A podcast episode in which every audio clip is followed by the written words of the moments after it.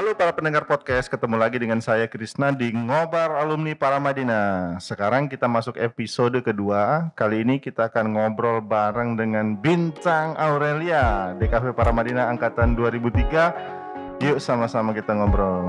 Orangnya udah datang nih. Halo Bintang, Halo Krisna, apa kabar? baik, Gimana gimana? Sehat-sehat sekarang? sehat, alhamdulillah. Oke. Hmm. Sebelum kita mulai, gue mau tanya rapid test nih.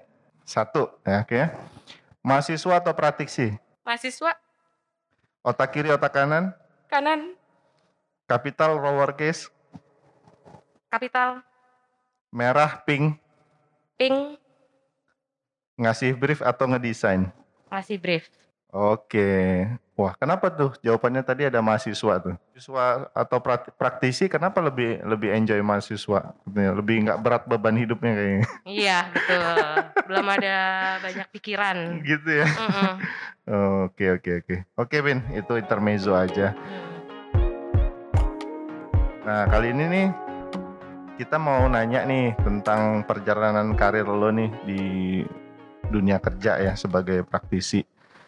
Nah, boleh dong sedikit sharing atau cerita tentang perjalanan karir setelah menjadi alumni DKV Paramadina dari awal sampai sekarang tuh gimana? Oke, begitu gue lulus dari kampus Paramadina, gue sempet eh, jadi freelance dulu sebenarnya. Waktu itu sempat juga ngedesain banyak cover CD album, salah satunya itu eh, Slang sama Gita Gutawa. Setelah itu Oke. gue juga sempat jadi graphic designer di Free Magazine Music. Mm-mm. Abis itu gue pernah jadi graphic designer di PT BMW Indonesia juga. Wah, Setelah dari situ gue langsung membangun perusahaan sendiri sih. oh, boleh dong cerita eh, waktu di misalnya waktu di Slang ya bikin cover itu tuh lu sebagai in-house design atau tadi freelance ya? Freelance, freelance. boleh nggak dijelasin sedikit tentang proses kreatifnya tuh kayak gimana sih kalau sama anak-anak slang tuh? Agak unik sebenarnya karena Hmm. eh, mereka itu kan eh, masuk dalam karakteristik seniman ya, masing-masing individunya Hmm, punya hmm. sudut pandang masing-masing. Yaitu biasanya memang briefnya itu beda-beda juga dari setiap individunya. Ya Hmm. kita yang harus pinter-pinter eh, ngolahnya biar itu bisa jadi satu kesatuan yang memang satu grup slang itu mauin gitu. Mewakili dari Mewakili. semua personilnya gitu iya, ya. Betul. Biasanya ngeliat tuh Mas Bim Bim ya atau gimana? Iya, Mas Bim Bim sama Kakak sebenarnya. Lu bisa kenal anak-anak slang dari mana ya? Nggak apa-apa, gue nanya doang kan. Namanya gue nanya. Ya mungkin dari Ah. teman atau dari siapa gitu. Iya, teman. Dari teman ya. Iya. Oh ya tadi yang album slang itu lu sempet itu yang album apa? Yang keberapa tuh? Eh, lupa album yang keberapa, cuman waktu itu slangnya Yang cover slow apa ya? but sure Slow sama, but sure, Heeh. Sama sempat juga yang slang kolaborasi sama band Jepang eh, The Oh, Big oke Hit. oke oke. Heeh. Gue pernah dengar deh itu ya. Mereka ada konser juga di Jepang gitu ya. Iya, betul. Oke, menarik Hmm. menarik. Ah, kalau Gita Gutawa tuh bikin apa tuh? Eh, waktu itu sama bikin cover CD album juga semuanya sampai buklet dalamnya juga. Mm-mm. Heeh. Sama, maksud kurang lebih sama. Sama aja. Heeh. Proses Cuman nggak- kreatifnya beda pasti ya. Beda, beda. Kalau kita Gutawa hubungannya sama mamahnya langsung. nggak banyak nggak banyak kepala. Iya iya iya iya. Iya. Ya padahal satu apa namanya output ya hasil akhir yang sama, sama-sama cover album, tapi Mm-mm. proses kreatifnya bisa berbeda-beda tergantung Beda. karakter orang Iya. senimannya gitu ya. Iya. Oke oke, menarik. Kalau yang satu lebih ke artsy, lebih ke filosofi, Hmm, sedangkan hmm, hmm. kalau yang satu lebih ke komersil. Komersial aja. Oke oke. Nah terus tadi lu cerita sempat di BMW ya. Itu Iya. ini menarik juga tuh dari freelancer yang seniman tiba-tiba ke corporate global company gitu gimana tuh Eh, ceritanya? kebetulan sih memang eh, networking ya. Hmm. Kebetulan eh, ada temen yang eh, kasih info bahwa di PT BMW Indonesia lagi cari graphic designer. Mm-mm. Ya udah eh, gue apply aja sih. but in-house Uh-uh. ya di BMW ya. In house, Hmm. apply ya udah keterima langsung masuk. Berapa tahun tuh Bin di BMW waktu itu? Eh kurang lebih setahun lebih lah, Setahun ya? setahun Oh. lebih. heeh. Banyak banget tuh ilmu yang lu dapet tuh dari sana tuh. Ah, banyak, be de eee, dunia yang berbeda banget ya dibandingkan dengan freelance kan pasti iya, terlebih BMW Indonesia otomotif, sedangkan gue nggak ngerti otomotif. Wah itu menarik banget. Jadi belajar product knowledge baru pasti ya, Bun? Iya, tapi baru. karena pada saat itu pekerjaannya langsung banyak, jadi nggak sempet tuh namanya dapat training product knowledge, nggak nggak sempet. Jadi udah langsung hajar Oh. aja semua. Waktu itu lu di ada di divisi apa tuh dan ada Eee timnya berapa orang waktu itu kalau boleh tahu? Waktu itu divisinya sebenarnya gue masuknya ke divisi marketing. Oh Dan marketing. kebetulan memang graphic Sport. designer-nya cuman 1. Oh sendiri? Heeh, terus satu lagi marketing, satu lagi markom, satu lagi marketing manager, udah. Oh. Heeh. Ya karena setahu gua kan kalau namanya otomotif apalagi mobil gitu ya, eee, biasanya kan mereka dalam 1 tahun kan punya produk mobil yang seri baru terus Iya, launching-launching terus-terusan. gitu ya Iya, biasanya ya? Oke oke. Berarti heeh. itu membutuhkan promo juga ya pastinya? Iya, karena ke gue juga megang nggak cuman di BMW Indonesianya aja, tapi gue juga megang ke dealer-dealernya Oh juga ke sebenarnya. dealer-nya, oh iya iya iya. semua dealer-dealer. Jadi waktu itu memang Wah seru. super pack banget pekerjaannya. Itu sampai, ke production-nya juga tuh, Bin? Iya itu? iya iya, gue juga yang ngurusin untuk ke vendor-vendor untuk ke printing segala Print printed macam. material semua lu Iya selalu ya? iya. Mmm. Oke oke, menarik menarik. Nah kalau sekarang nih gua tanya nih, pengaruh dari ketika lu belajar di Paramadina ya, di perkuliahan, Mhm mhm. kemudian impact ke dunia kerja tuh sebenarnya gimana sih, Bin? Eee, jujur kalau gue pribadi sih masih tetap perlu, eee, ningkatin kemampuan diri ya dengan ikut pelatihan-pelatihan di luar, sama juga gue minta bimbingan-bimbingan dari senior-senior yang ada di luar Hmm. sih, kenalan-kenalan lah Iya. Berarti yang udah lebih berpengalaman. Oh, eee, ada konsul ke beberapa senior-senior Iya, juga ya? ada. Berarti masih kurang banget ya? Eee, kalau buat gue sih masih agak kurang. Agak kurang ya? Heeh heeh. Karena untuk kalau, eee, dengan pertanyaan untuk turun ke dunia kerja ya, Iya iya iya. gitu. Itu Memang itu ada masih prosesnya juga ya iya, pasti ya? masih agak kurang yang memang harus kita tanya sama yang lebih berpengalaman yang udah Iya. terjun duluan di lapangan sih. Iya, berarti ada peranan ya kalau dulu mungkin apa ya dibilangnya belum alumni juga ya senior tuh, tapi nggak harus alumni ya sebenarnya Enggak harus alumni sih, kebetulan Bisa. juga, eee, gue punya teman-teman yang bukan satu kampus juga, tapi Oh iya. sesama di dunia kreatif. Oh iya iya, heeh. Ya gue juga sering sharing-sharing, tanya-tanya sih. Oke oke oke. Berarti memang ya itu kita harus membuka diri ya untuk Iya bisa iya. maju dan mau apa ya, berusaha ya dengan Iya. keterbatasan yang kita miliki waktu Betul. mulai di awal-awal kerja. Oke, nah sekarang nih, eee, sejak kapan lu memutuskan untuk usaha sendiri nih? Kan gue dengar lu sempat buka usaha sendiri ya? Iya, Hmm. waktu itu gue bikin usaha sendiri itu pertama itu di 2010. Mhm. Waktu itu gue punya perusahaan desain house Tarkasa itu sempet jalan 4 tahunan lah kurang lebih. Oke. Heeh. Setelah itu baru gue langsung membikin usaha gue yang sekar sampai sekarang. Oke, waktu lu buka Starkasa 2010 berarti lu, eee, sempat kerja itu berapa tahun tuh setelah lulus? Mmm. 4 tahun, 5 tahun? Ya Ada? kurang lebih, heeh, Ya ber 4 berarti lu ada ya, pengalaman heeh. dulu sebagai freelancer dan sempat kerja di Iya BMW tadi iya 5 iya iya. tahunan. Jadi emang memang dari guenya sendiri memang pengen gue, eee, kerja dulu sih sama orang biar gue dapat ilmunya juga baru gue memutuskan untuk bikin usaha sendiri Oke. sih, heeh. Apa tuh alasannya tuh waktu pertama kali memutuskan itu tuh? Apa alasan paling kuat lah ketika lu memutuskan untuk buka usaha sendiri tuh? Oh. Kan pasti banyak tantangannya tuh kan. Nah itu alasannya tuh apa tuh? Mungkin ada idealis juga kali ya. Oh, idealisme ya. Uh, uh, idealisme sih sebenarnya karena kan kita udah merasakan uh, kerja di bawah orang Hmm, uh, nah kita pengen buka lapangan kerja coba juga deh ya. kita Hmm. yang buka lapangan kerja buat orang lain Wah, gitu mulia sekali. Iya, iya, iya. Nah, eh, waktu di Starkasa itu Mm-mm. eh, klien-kliennya seperti apa sih, Bin, yang pernah dikerjain? Eh, beberapa aja kali ya Iya, iya, biar kepanjangan aja. waktu itu Hah. gue sempat bikin eh, untuk eh, brand identity juga buat salah satu restoran di Kemang Oke. Terus gue pernah bikin multimedia juga buat Mall Star Square di Manado. Terus pernah megang juga untuk sama brand identity juga untuk eh, klinik Children Health Klinik Pela 9. Nah, kalau brand identity itu include turunannya atau hanya Include turunannya semua Oh, sampai website, dari printed logo, material, iya. turunannya semua website sampai Oh. promotional item semua muanya sih. Oke, oke. Dan itu di maintain-nya tuh per apa tuh? Ada annual maintain kah atau bagaimana? Oh enggak sih, enggak ada spesifik gitu. Misalkan mereka tiba-tiba perlu update, ya mereka Hmm. minta kita untuk yang update. Misalkan tiba-tiba mereka ada kebutuhan printing, mereka ngubungin kita.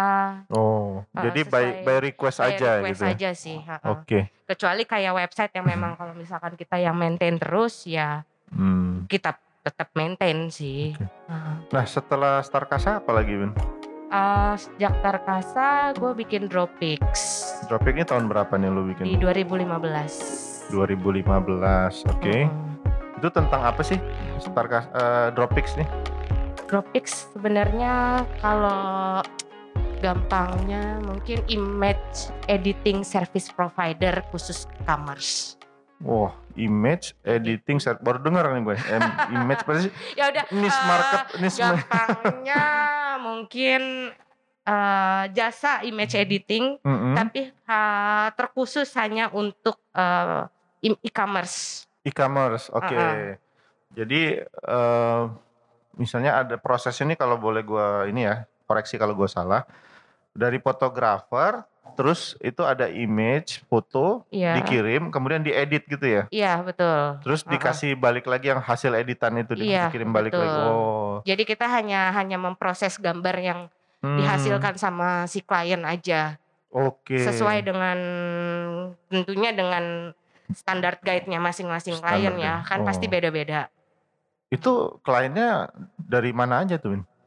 Eh, kita ada lokal tapi kita mostly itu internasional sih. Wow, internasional ya. Iya. Gimana kok bisa kok bisa gitu gimana caranya tuh? Ah, Buat pendengar podcast ini mungkin penasaran tuh. Bisa sih. Gimana?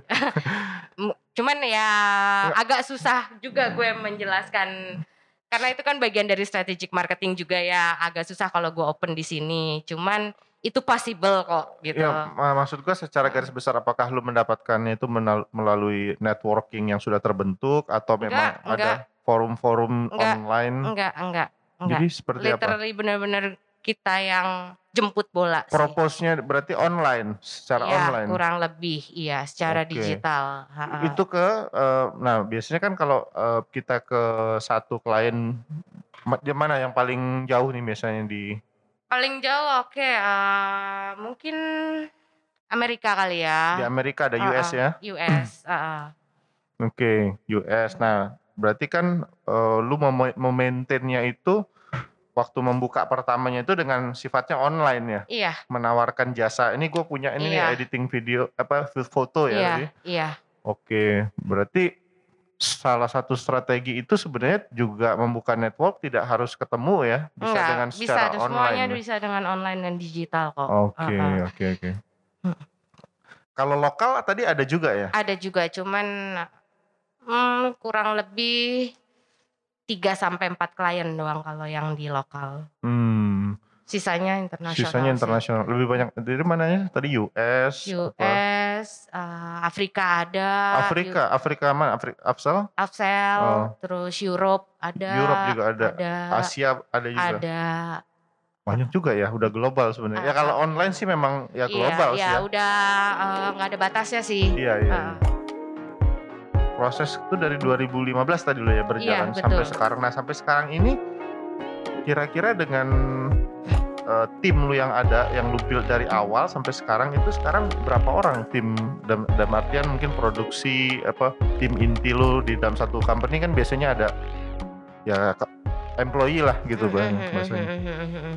berapa orang tuh Kalau saat ini, hmm. saat ini oh dari awal dulu dari awal awal awal itu benar-benar pas ngebangunnya itu kita cuman berempat Mm-mm. dan akhirnya waktu itu kita pun juga belum belum langsung untuk meng-hire karyawan secara in-house ya. iya iya Kita eh, pakai metode freelance dulu. Mm-mm. Itu waktu itu kita kira-kira sekitar 10 orang 10 orang di awal ya di awal kurang lebih. Mm-mm. Nah, setelah itu udah semakin klien kita bertambah, iya ya sedikit-sedikit yang freelance itu kita jadikan pegawai tetap sih. oh kalau sekarang berapa tuh bin udah Kalau- selama berarti udah hampir lima tahun ya Iya.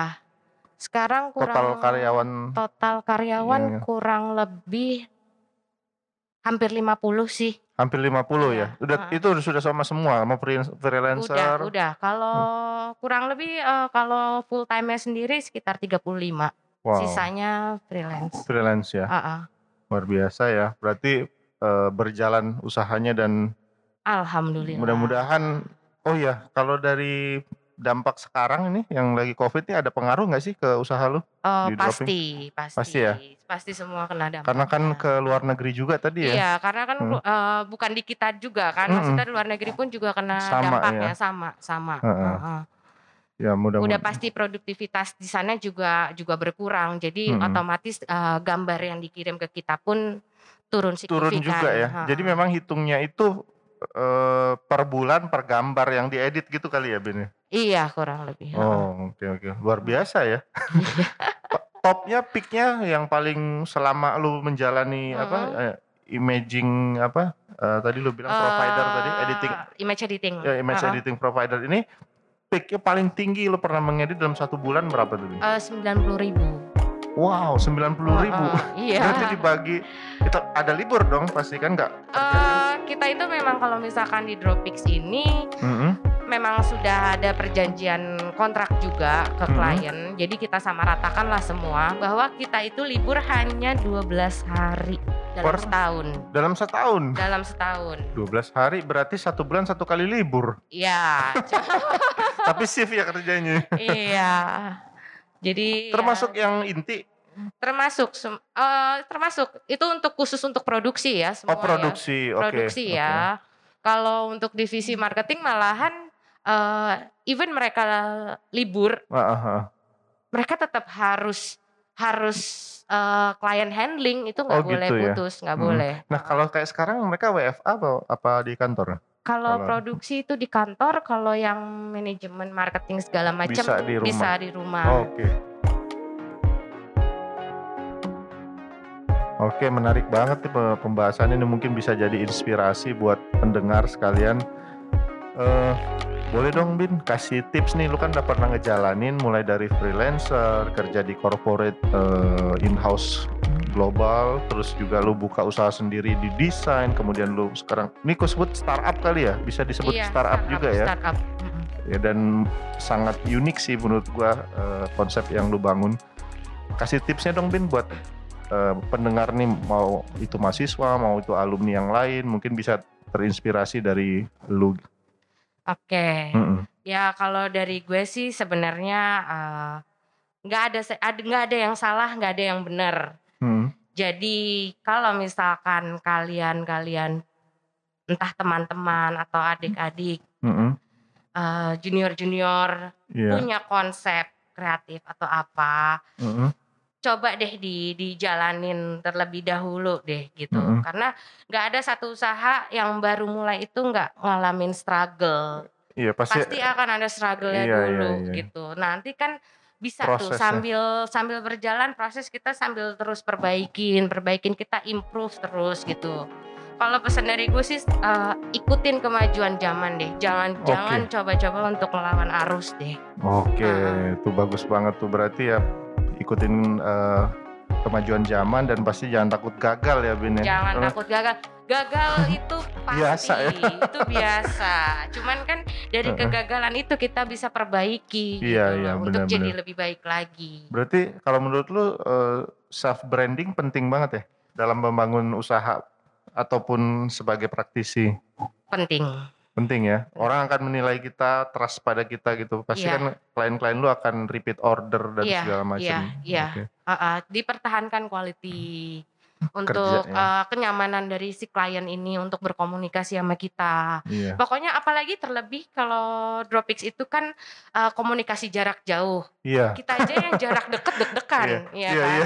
Gimana lagi yang jarak jauh kalau nih orang kabur atau gimana Oh, iya, gitu iya. kan? Kita harus nge-build trustnya sih, Kalau nyamannya, cerita nyamannya. buruk-buruknya pasti pernah juga ya itu ya. Pernah.